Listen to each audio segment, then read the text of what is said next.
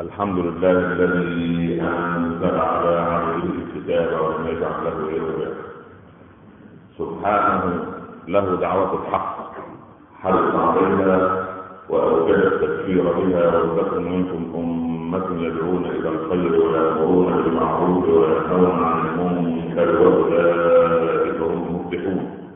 وأشهد أن لا إله إلا الله وحده لا شريك له. وضع الحجة وأتم المحجة ويأبى الله إلا أن يتم نوره ولو كره الكافرون وأشهد أن سيدنا وحبيبنا محمدا رسول الله بلغ الرسالة وأدى الأمانة ونصح الأمة وكشف الأمة وجاهد في الله حق جهاده حتى أتاه اليقين. صلى الله عليه وعلى آله وأصحابه وأزواجه وأتباعه. الذين آمنوا ولم يلبسوا إيمانهم بظلم. أولئك لهم الأمن وهم مهتدون. أما بعد. أيها الإخوة المسلمون يقول ربنا جل في علاه فأما الإنسان إذا ما ابتلاه ربه فأكرمه ونعمه فيقول ربي أكرمن وأما إذا ما ابتلاه فقدر عليه رزقه فيقول ربي أهانا كلا. بل لا تكرمون اليتيم ولا تحاضون على طعام المسكين وتأكلون التراث أكلا لما وتحبون المال حبا جما صدق الله ومن أصدق من الله دينا أيها الإخوة الأحباب الإنسان بين نعمة وبلية ولا بد له في النعمة أن يشكر وفي البلية أن يصبر. لكن الإنسان يتناسى فإذا ما فتحت له الدنيا وفتحت ذراعيها له وأذاقته من حلاوتها شيئا فهي حلاوة ظاهرية. نسي الإنسان نفسه. إذا أوتي منصبا أو رزق بمال أو أوتي شيئا في مكانة اجتماعية معينة عندئذ يهتف قلبه ويقول ربي أكرمني إن الله قد أكرمني إن الله قد آتاني إن الله قد أعطاني. ولا يقول هذا مجردا ولكن يضيف إلى هذا العطاء. وهذا الفضل الإلهي ينسب إلى نفسه فضلا. لأنني أستحق لأنني مستقيم لأنني لا أفعل كذا من أبواب الشر لأنني أتصدق لأنني مزكي لأنني عالم لأنني متخصص لأنني كذا ولأنني كذا فينسى أن ينسب الفضل كله لله. فيقول عندما تفتح له الدنيا إن الله قد أكرمني ولكن هذا العبد لو شكر النعمة من جنسها وآتى الحقوق كما أمره رب العباد سبحانه وتعالى لأصحابها عندئذ يكبر الله سبحانه وتعالى النعمة ويزيدها ولئن شكرتم لأزيدنكم. فالعبد عندما يشكر تكون النتيجة الزيادة فأنت تزرع تزرع شجرة الشكر فتثمر شجرة الإكثار وشجرة البركة وثمرة العطاء الإلهي من الله سبحانه وتعالى ثم يرزقك عز وجل إن زرعت شجرة الشكر يرزقك ثمرة الفهم فتفهم كما قال الله عن نبيه سليمان عليه السلام ففهمناها سليمان. هذه الآية نزلت في نبي الله سليمان ويتتحدث عنه وعن أبيه داود عليهما السلام لما كان سليمان يجلس بوابا على باب أبيه فدخل على داود خصمان قال أحدهما إنني صاحب زرع وهذا الرجل صاحب غنم. دخلت الغنم إلى أرضي فدقرتها وأكلت الأخضر واليابس الذي فيها. قال نبي الله داود يا صاحب الزرع خذ غنم هذا ثمنا لزرعك خرج الخصمان. قال سيدنا سليمان وما عبر من العمر الخامسة عشرة؟ بما حكم لكما أبي؟ قال صاحب الزرع إن أباك قد حكم لي أن آخذ القطيع من هذا ثمنا للزرع المهضوم الذي أكل.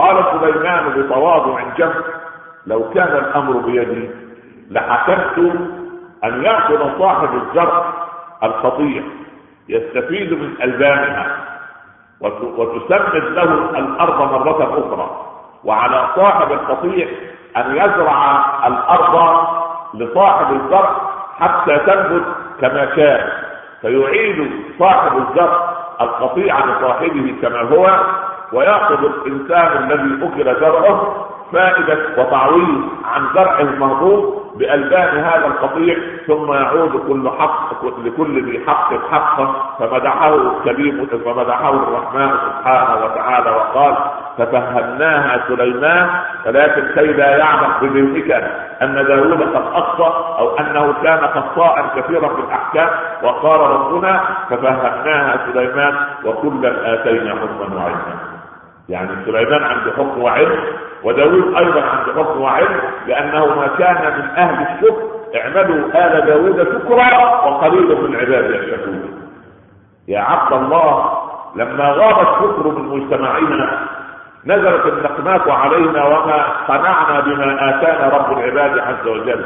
لما لم يشكر الولد أباه على ما رباه وعلمه وفهمه وأنفق عليه. وأنفق عليه الغالي والرقيق أنفق عليه صحته ووقته ومجهوده وكذلك أمه أنفقت كل حياتها حملا وولادة ورضاعة وتربية وتحمل مرض وتحمل إيذاء وتحمل تعليم وتحمل صبر ورغم ذلك ما شكر الولد والده ولا والدته.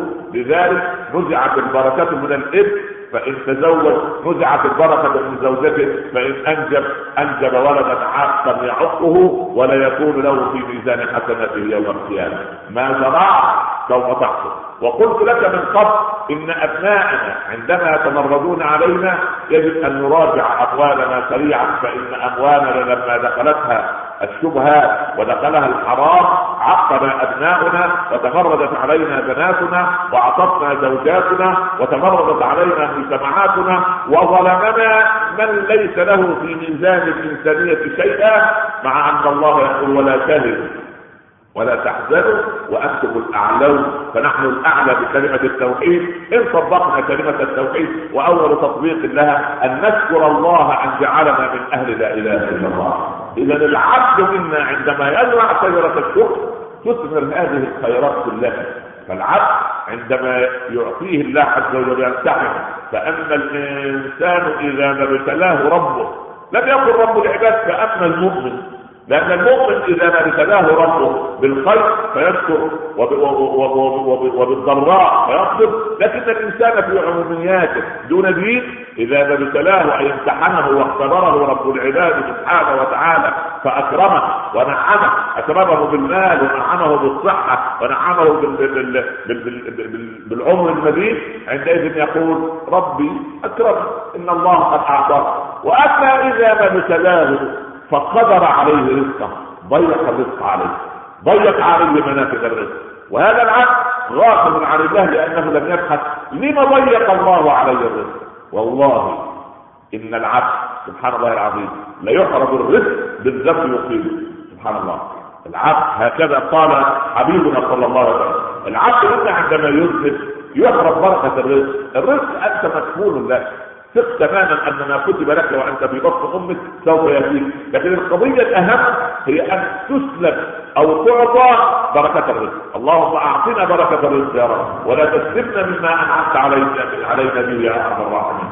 أنت ولي ذلك والقادر عليه اذا القضية في سلب البركة من الرزق. فالله عز وجل عندما يقدر على العبد رزقه لأن العبد قد يكون صاحب ملايين وصاحب مليارات ولكن صدره ضيق ولكن لا يجد السعادة. يأكل لا يجد الهدوء لا ينام إلا بمهدئ ولا يأكل إلا بمهضم ولا يركب الطائر إلا بمنور وسبحان الله. وأوتي من الدنيا ما أوتي قارون. ولكنه نسي شكر الله عز وجل. فقدر الله عليه رزقه ضيق عليه الرزق. رغم أن الملايين بيده. ضيق عليه الرزق رغم أن المليارات تحت يديه لكن السعادة ليست بالمال ولكن السعادة نابعة من أنك تقنع بما آتاك الله. اللهم قنعنا بما رزقتنا يا رب العالمين. أما إذا لم تلاه فقدر عليه رزقه. فيقول ربي اهانه هذه إهانة أن قلل في الشان أن نزع البركة مني أن لم يرزقني في هذا العام كذا وكذا أنني خسرت في الأرباح كذا وكذا خسرت في البورصة كذا وكذا لا يراجع حساباته بانضباط مع الكتاب والسنة ومع إيقاع التوحيد في الكون كله. يقول ربي أهانا كلا لكن السبب بل لا تكرمون اليتيم. اليتيم الولد إذا دخل مع أبيه المسجد رحب الجميع به. الولد إذا كان ابن رجل كبير في المجتمع ودخل إلى مجلس حياه الناس استشرافا واقتباسا من احترامهم لأبيه. أما إذا مات الأب وإن غاب الأب ودخل هذا اليتيم فهو يذكر على كل لئيم ولئيم هذا يبيحه وهذا يطرده وهذا لا يحن عليه. يأتي العم في بداية وفاة أخيه فيذهب إلى أبناء أخيه ويقول أنا أبوكم بعد الأب أنا عمكم اطلبوا مني في أي وقت هذه هواتفي هذا بيت مفتوح زوجة عمكم عمكم تحبكم كما أمكم تماما. وهذا الكلام الكبير يقال لحظة سكونة الجنازه فإذا دفنا ولحدنا المتوفى ونظر الايتام إلى عمهم ينتظرون منه زيارة بمناسبة أو يطرقون بابه في ضائقة مالية أو في مشكله أو في ورطة أو وساطة معينة لكي يعين أحد منهم أو تريد البنت أن يتوكل عمها لزواجها. عندما يقول العم أنا والله لا دخل لي أمكم صعبة أمكم كذا أنا عندي من الأولاد عندي من المشاغل. لأن هذا عندما لا يرحم هؤلاء سوف يموت ولم يرحم ابنائه ابناءه احد لأنه كما تدين الرجال الذنب لا ينسى والبر لا يبلى والديان لا يموت تعمل ما شئت كما تدين الرجال. ما تزرعه سوف تحصل لن تحصل من الشوك العنب ابدا. ابدا سبحان الله. بل لا تكرمون اليتيم إن أفضل البيوت عند الله بيت فيه يتيم يكرم إليه وإن أسوأ البيوت عند الله بيت فيه يتيم يساء إليه وإن بكى اليتيم يقول رب العباد عز وجل من ابكى الغلام الذي غيبت أباه بالتراب اشهدكم يا ملائكتي أن من ارضى اليتيم رضيت عنه وأدخلته الجنة. من مسح على رأس اليتيم فاضت له بكل شعرة من شعر اليتيم حسنة وفاضت له رحمة من مفرق شعر إلى أخمص قدميه وليخشى الذين لو تركوا من خلفهم ذرية ضعافا فليتقوا الله وليقولوا قولا سديدا. اتق الله عبد الله كي يحافظ الله على ذريتك من بعد. قل قولا سديدا حتى يقول الناس في أبنائك من بعدك قولا سديدا ويقولوا بجوابك كلا. بل لا تكرمون اليتيم. اليتيم يجب أن نراعي أن له 100 اب بدل أبيه. 100 ام بدل ام الجيران كلهم أولياء أموره. هنا يشعر اليتيم لا تجمع عليه اليتم وظلما لا تشعر لا تجمع عليه اليتم وصلافة معاملة وقسوة قلب وكآبة وجه. نسأل الله أن يجعلنا وإياكم ممن يرحمون اليتيم أنا وكافل اليتيم في الجنة كهاتين وضم الرسول بين سبابته ووسطاه صلى الله عليه وسلم. بين أصعصر حلقة الجنة لأدخلها فإذا بامرأة تسبقني أقول من أنت يا أمة الله؟ تقول أنا أرملة مات زوجها وترك لها يتامى فقعدت عليه فربيتهم فتأكل يعني بجوار النبي مكانا في جنة الرحمن حيث لا عين رأت ولا أذن سمعت ولا خطر على قلب بشر. إذا السبب الأول لتضييق الرزق لا نكرم اليتيم. كلا بل لا تكرمون اليتيم. ولا تحاضون على طعام المسكين لا يحث بعضنا بعضا ولا يحث بعضنا بعضا على فعل الخير ننام وأبناؤنا في فلسطين لا يجدون الغذاء ولا الطعام ولا الشراب. ننام ونلهو وناكل ونشرب وأبناؤنا في العراق ينامون على صوت المدافع وصوت ومناظر القتل نسأل الله أن يؤمن بلاد المسلمين شرقا وغربا. الإنسان إن لم يرحم إخوانه لم تنزل رحمته من السماء. ارحموا من في الأرض يرحمكم من في السماء. اللهم ارحمنا فإنك بنا راحم يا رب العالمين. كلا بل لا تكرمون اليتيم ولا تحاضون على طعام المسكين وتأكلون التراث أكلا لما المواريث التي تركها الناس يتصارع الإخوة عليها وتذهب بهم الأمور إلى المحاكم ويأتي بشهود زور ويأخذ حقوق أولاده. ومن منع وارثا من إرثه منعه الله من إرثه في الجنة يوم القيامة. ومن أخذ كبر أرض في الدنيا أو خوق من سبع أراضين في جهنم يوم القيامة. لتردن يوم القيامة المشية والمخيط ولو أن جبلا بغى على جبل. لبكى الله الباغي ولو أن شاة قرناء نفخت شاة جلحاء لاقتص الله من هذه الكذب لمن الملك اليوم لله الواحد القهار. لا تكرمون اليتيم لا تحاضون على طعام المسكين تأكلون التراث أكلا لما تحبون المال حبا جما أول ما تيجي سيرة المال يحل بعضهم الحرام ويحرم بعضهم الحلال ويميل الإنسان بقلبه لأن المال سمي مالا لأنه مال بنا عن الحق. اللهم اجعل المال في أيدينا لا في قلوبنا يا رب العالمين. تحبون المال حبا جما ثم تذكر الآيات بالاخره وما في الآخرة؟ وما أدراك ما الآخرة؟ عباد الله لنكن وأنتم من الشاكرين لأنعمه ومن الصابرين عند البأساء والضراء وحين الباس.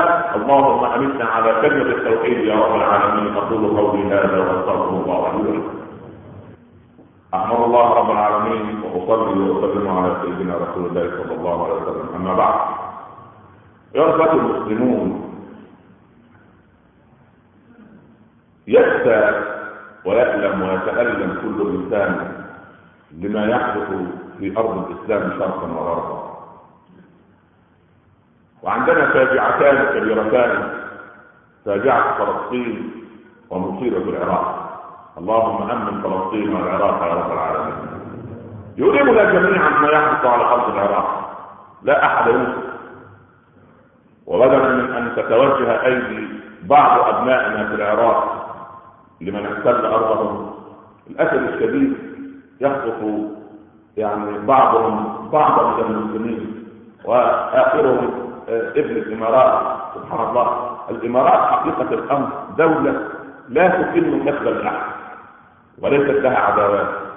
وتمد يدها يدا بيضاء في مشرق الأرض ومغربها. ما ذهبت في مشرق الأرض أو مغربها إلا وجدت يد الإمارات في مسجد وفي رعاية ايتام وفي حفر ابار وفي صناعة خير وفي كفالة ايتام وهذا ظاهر للجميع حقيقة الأمر. والإماراتيون حكاما وشعبا حقيقه يحبون العراق وأهله مما لمس هذا الأمر. وأنا بما لي من رصيد عند أبنائي وإخواني وأخواتي وبناتي في العراق. يعني أقول من فوق هذا المنبر يعني لم تدفعون يعني آه، والد ووالدة وأسرة آه، الابن نادي بن عين بأن تخطفون ويعني الله وتخلقوا آه، يعني قلب الأب وقلب الأم وقلب الأسرة. وكلنا لنا أبناء وندري مدى ما للأبناء في المكان. يعني ما الذي آذتم به الإمارات وأهل الخليج جميعا؟ والله إن الخليج كله يحب العراق وأهله أنا أدرك أن أهل العراق يعني بفضل الله أهل العلم أهل العقل وأهل الدين بفضل الله. ولكن بعض الذين يفهمون الأمور ويضعونها في غير مواضعها يسيئون إلى الإسلام وإلى المسلمين. ما الذي يكسبه سبحان الله. هذا أو ذاك عند خط مسلم. اخ له في الإسلام. يا أخي أنا يا أخي ضد الغير. لست ضد أخ لي. أخ مسلم. أخ من دولة تحب العراق وتحب أهل العراق وتمد يدها بكل خير للعراق. يعني لا أقول أنا اناسب بل إنني اطالب مطالبة شديدة بمن صنع هذا الأمر. يعني إن شاء الله أن يمدوا يعني يعني قلوبهم بالخير وعقولهم بالفكر ويطلقوا يعني صراحة الابن الغالي ابن الإمارات. وكل يعني إنسان مسلم يعني يقول لا إله إلا الله لا داعي لأن تروع أهله ولا داعي لأن تدخل الرعب على أهله. وأنا أقول لأهل الإبن نادي النعيم عليكم بلا حول ولا قوة إلا بالله العلي العظيم فإنها نجت أحد الأسرى من أبناء الصحابة رسول الله صلى الله عليه وسلم. وندعو الله للعراق أن يعود الامن إليه مرة أخرى وأن يجلو الله عن أرض العراق وأن يعود يعود للعراق اهلها وأن يعود إليها علماؤها وعلمها وأن تعود بغداد عاصمه الرشيد مرة أخرى امنه مطمئنة كما ندعو الله أن يعيد لنا المسجد الأقصى كما أعاده صلاح الدين الأيوبي وأن يعيد الإسلام إلى قلوبنا وأن يردنا جميعا إلى الإسلام ردا جميلا حسنا. والله يا اخوتي إن كنا قد تحدثنا على اليتيم نحن كمسلمين اليوم كالأيتام على مأدبة اللئام. فتعالوا كايتام نتوافق ونتضافر ويحث بعضنا بعضا على الخير. ونقف جميعا بجوار بعض حكاما وشعوبا في تقوية جهاز المناعة الايماني داخل قلوبنا حتى يحترمنا الغير وحتى يجبنا الغير وحتى يجلو الغير عن أرضنا. ولا داعي لأن يكون بأسنا بيننا شديدا. ولكن نكون أذلة على المؤمنين أعزة على الكافرين. كما وصف الله طائفة المؤمنين. اللهم اجعلنا منهم يا رب العالمين. اللهم اجعل جمعنا هذا جمعا مرحوما وتفرقنا من بعده تفرقا معصوما لا تجعل بيننا تقيا ولا محروما. اللهم اجعل لنا اول يومنا هذا صلاحا وأوسطه نجاحا واخره فلاحا لا تدع لنا فيه ذنبا إلا غفرته ولا مريضا إلا شفيته ولا عسيرا إلا يسرته ولا كربا إلا اذهبته ولا هما إلا فرجته ولا مكسورا أو مسجولا في سبيلك اذا فكفت فتنه وأذهبت اثره ولا مسافرا إلا غار انسان هذه إلا وقد رددته اللهم ارزقنا قبل الموت توبة وهدايه ورحمة الموت روحا وراحه وبعد الموت إكراما ومغفرة ونعيما اجعل خير أعمالنا خواتمها وخير أيامنا يوم ان نلقاه اللهم امن بلاد المسلمين من كل مكروه وسوء ومن أراد من يسوء فضل اللهم سوءه بيده واجعل تدبيره في تدبيره يا أرحم الراحمين. هل بلادنا الازواج الصالحين. وارزق أبنائنا بالزوجات الصالحات. وارض عنا كل يا أرحم الراحمين. واغفر لنا منك بخاتمة السعادة أجمعين. وصلى الله على سيدنا محمد وعلى اله وصحبه وسلم. الله الرحمن الرحيم. والعصر. إن الإنسان لفي خسر الذين آمنوا وعملوا الصالحات. وتواصوا بالحق وتواصوا بالصبر صدق الله ومن أصدق من الله قيلا نقول حديثنا على الصلاة إن شاء الله. وأقم الصلاة وقوموا صلاتكم يرحمكم الله احمد الله رب العالمين وأصلي وأسلم على سيدنا رسول الله صلى الله عليه وسلم. أما بعد. بعض الملاحظات قبل أن نبدأ الدرس إن شاء الله. قريبا بإذن الله رب العالمين إن شاء الله ربنا هيخرج علينا بمسجد اكبر بإذن الله ما قصرت دائرة الأوقاف في التعاون معنا إن شاء الله. لأن بعين هؤلاء الذين يصلون خارج المسجد في شدة الحر والإخوة الحقيقة كل أسبوع اخرج معهم داخل المسجد. يا إخوة تفسحوا تفسحوا. فبقي واحد يعني يركب على دماغ واحد يعني الله يعينكم. فيتحملون ما شاء الله من باب الود والمحبة. فإحنا بنستغل هذه الرصيد من حب لأن نضغط على الإخوة المصلين أكبر أنواع من الضغط يعني. فالحقيقة يكون بعين الذين يصلون. أول ما أنساهم الأول أول ما أتذكر أن في إخوة في الحر قل الخطبه فورا ولا لا كملت موضوعها ولا سبحان الله العظيم. فإن شاء الله بحول الله وقوته إن شاء الله يعني قريبا بإذن قريب عاجل إن شاء الله. سوف أنبئكم بمسجد كبير إن شاء الله. سوف ننتقل إليه بإذن الله رب العالمين. وساعتها سوف نشكر الجيران الذين آذيناهم بازدحامنا ولكن أعلم انهم سعداء بهذا الجمع لأن جاءوا للصلاة والفضل صحيح. بعض الإخوة يغلق عليهم الأبواب والطرقات والمنافذ. واخشى ان يدخلوا إليهم في بيوتهم بسياراتهم. من باب العشم بس عشم في ليس في محله. ولكن يعني دائما المسلم خفيف الظل فيعني عشان لما نغيب عنهم يحنوا إلينا. ولو متنا يترحموا علينا بدل يعني ما علينا. يعني سبحان الله مش عايزين علينا. يعني كده فان شاء الله بإذن الله. إن شاء الله يدعو لنا إن شاء الله بإذن الله. هذا هو الأمر الأول. إذا حتى باختصار يعني لو في صور أكثر من هذه يعني أنا لكم أكثر الصور فما فيش ايجاز أكثر من هذا. هذا أمر. الأمر الثاني يعني المسلمون وهم في هذه الورقه العالمية. الورقه العالمية وضع المسلمون فيها في هذا الزمن أو وضع في هذا الجيل. جيلنا جيلان. جيل قد تربى من قبل على السلبية. وعلى العادات والتقاليد وعلى ما سمعه من أبيه وأمه. فخرج عنده نسخة من الدين لا تقبل التفاوض ولا تقبل الإصلاح ولا التصحيح ولا الحذف ولا الإضافة. مع ان قد تكون نسخة مشوهة. انه درج يعني درج على هذا. والعادات عند بعضنا أقوى من العقيدة نفسها وأقوى من الكتاب والسنة عند كثير من الناس للأسف. الجيل الحالي ابنائنا فلذات اسبابنا قسموا قسمين. قسم التزم بطريق الله عز وجل وهذا الذي نقف بجواره وندعو له. وقسم شارد تماما لأن حدث هو بينه وبين أبيه وأمه. هذه الهوة ناتجة أن الأب والأم ما زالوا على فكر الثلاثينات والأربعينات قضية الاوامر الاوامر الأوامر فالولد بيأنس من الأمر ونحن كعرب أعداء للأوامر.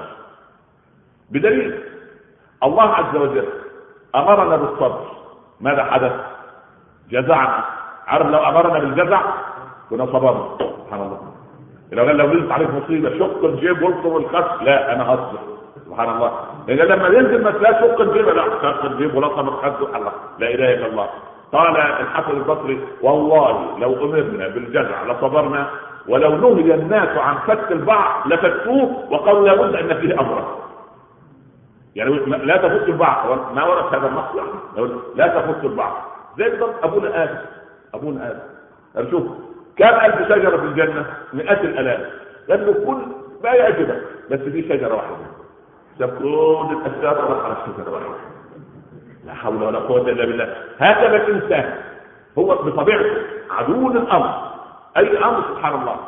المتنبي وشاعر العربية راح نواحي شيراز في فارس فبهر بشيراز وما فيها من حدائق وبساتين. الرجل كان يتلاعب بالالفاظ فيقول على لسان حصانه شوف لما الشاعر يستنطق الحصان. إحنا لا عارفين ما نستنطق لساننا ولا لسان أبنائنا ولا لسان يستنطق الحصان خلي الحصان يقول معنى سبحان الله.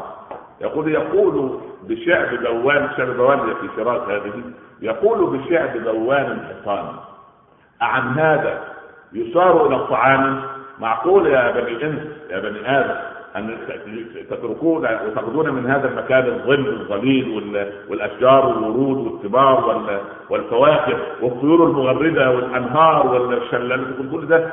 وتذهبوا بنا إلى الحروب لنقتل يقول بشعر بواب الحصان عن هذا يسار إلى الطعام. أبوكم آدم أبوكم آدم سن المعاصي وعلمكم مفارقة الجنان. أبوك آدم من قال ترك الجنة وراح للهم. ها سبحان الله. يقول ابن القيم يا لها من اكله أورثتنا هم الدهر كله. سبحان الله. بس في نقطة. في كلام طيب يقول أهل القلوب. إذا أردتم أن تسمعوا ماذا يقول أهل القلوب؟ طب ما توحدوا رب العباد. قال أهل العلم إن أردت أن ترجع إلى الجنة التي طردت منها. البيت الاساسي اللي طردت منه. إن أردت أن ترجع إلى الجنة التي طردت منها فعرج عبد يعني مر فعرج بواد المتهجدين فإن القافلة تمر من هناك. أترجم؟ لا كلكم ساكتين أنا أستغل البطون الخاوية لتعمل العقول. وإذا ابتلأت البطون فالسلام عليكم ورحمة الله. على الدنيا السلام. ما يبقى الحمد لله أنت اخترت وجيت اسمع بقى إيه نعوض الخطبة في دقائق. ابن القيم يرى والعلماء يرون أن أنت عايز تسلك في القافلة. تروح فين؟ قال لك أن الناس من أسلافنا وجدي وجدك مش أنت تستيقظ بالليل على صوت جدك وصوت أبيك وهو يقوم الليل؟ ولا ما حصلش؟ حصل. كثير من البيوت يعني. وفي بيوت يعني حصل. يعني في بيوت حصل وفي بيوت إيه؟ حصل برضه. كل واحد إيه؟ وأنت تفهم أي أيهما حصل. خلاص أيوه. في الآخر محصله خلاص؟ فانت كنت تسيطر على على صوت ابيك وصوت يقوم الليل يصلي يتهجد. فالعلماء سبحان الله العظيم قالوا إن العبد إن قام بشرف خدمة الدين بالنهار. والتفاني فيه أعطاه الله شرفا وهو أن يقيمه بين يديه بالليل. لأن القيام بين يدي الملك شرف صح ولا لا؟ لما يكتب لك المسؤول ها؟ رئيس الدولة الوزير الفلاني المسؤول الفلاني رئيس الوزراء. بس تعالى قابلني هذا تشريف أم تخريف؟ تشريف. والله الراجل الوزير طلب منا أن نقرر الساعة كذا. لماذا؟ لأن سابقه أعمالك تقول انك تعمل لصالح الدولة. ولله المثل الأعلى. الله لا يناديك ليلا إلا إذا خدمته نهارا. هي كده. فالقضية متناسقة. بعض الناس يقول يا أخي عملوا احصائيه وجدوا علميا وجدوا أن العبد العادي بني آدم العادي بعد الساعة العاشرة لا ينتج. يعني بعد الساعة العاشرة مساء من الواجب يعمل إيه؟ ينام. لأن النوم الظالم إيه؟ عبادة. عبادة. هو كده. يعني نومي ونومك عبادة. ليه؟ لأن لو جلست نغتب هذا ونلم هذا نفتح التلفزيون ونكتب في التلفزيون ونطمئن على بورصه لندن وبورصه طوكيو وبورصه بتاع ويطلع لك البورصة من الحيط بورص بورص سبحان الله. ده بورصات سبحان الله. فالمشكلة أن الواحد يقول لك عند الساعة 10 لأن الله جعل الليل لباسا فاحنا قلبنا موازين الكون جعلنا الليل معاشا وجعلنا النهار لباسا. سبحان الله. وأهل العلم قالوا كمان. قالوا أن عملوا إحصائيات. وجدوا أن فترة ما بعد الفجر هذه فتره ليست للرياضة.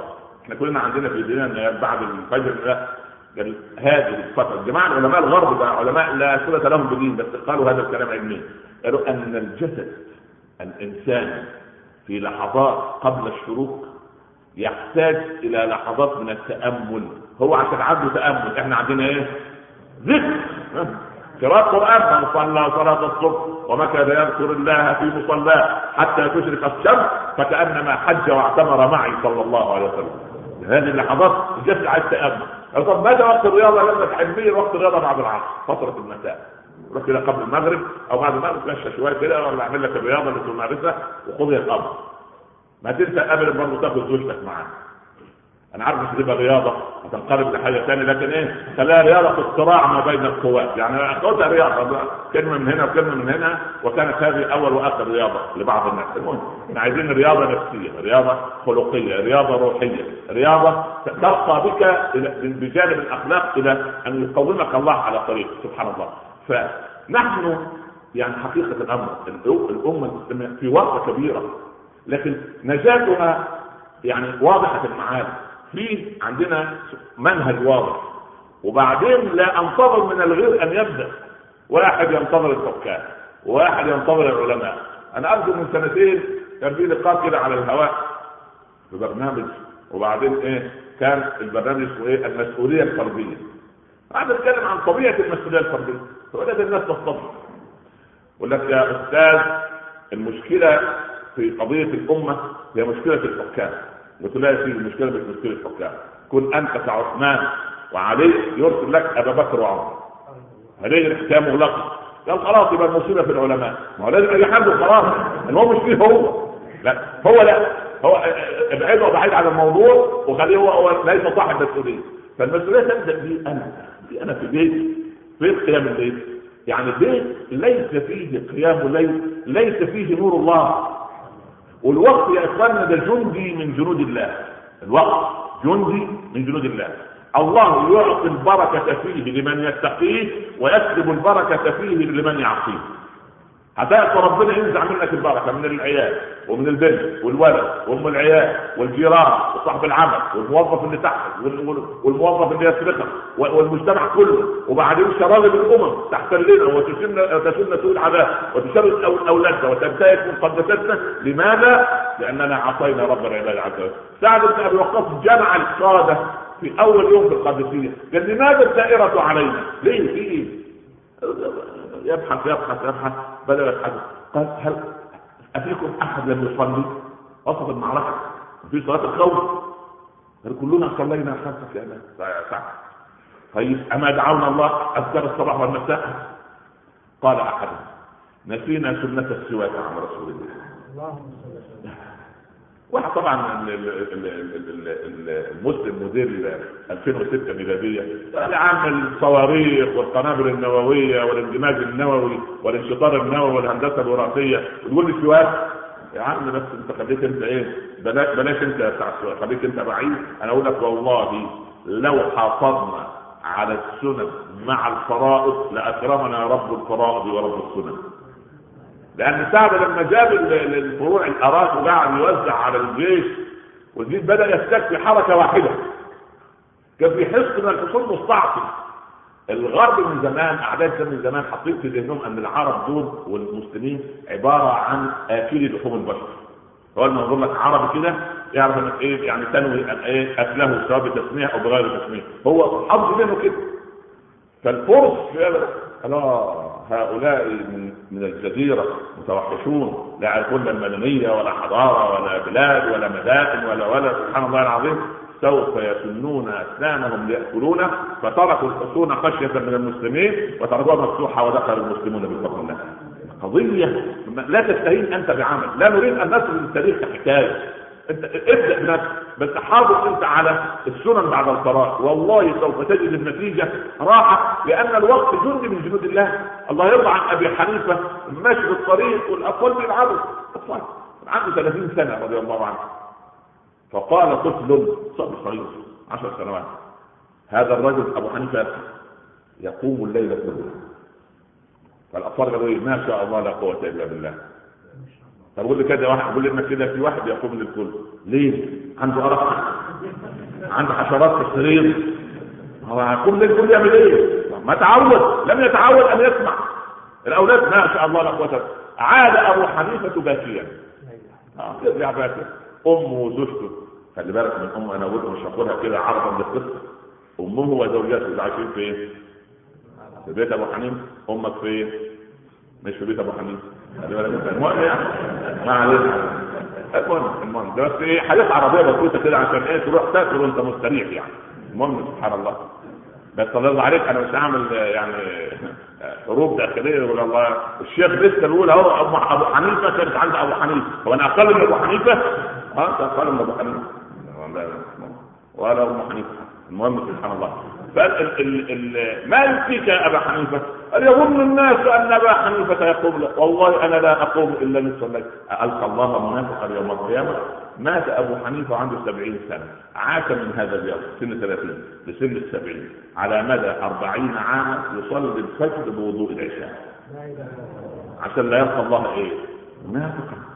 مات واحد يقول طبعا اخواننا الاطباء يعني بارك الله فيهم جميعا. يا أستاذ هذا كلام غير منطقي. أنت مع أنك راجل أكاديمي الكلام ده لا يصح يا عم يصح ولذلك يا عم يصح حسبوا علميا في سورة المزمل المدثر كم كان ينام النبي صلى الله عليه وسلم بليل المدينة؟ يعني يعلم أنك تقوم أدنى من ثلث الليل ونصفه وطائفه سبحان الله. حتى وجدوا أن الرسول كان ينام ساعتين.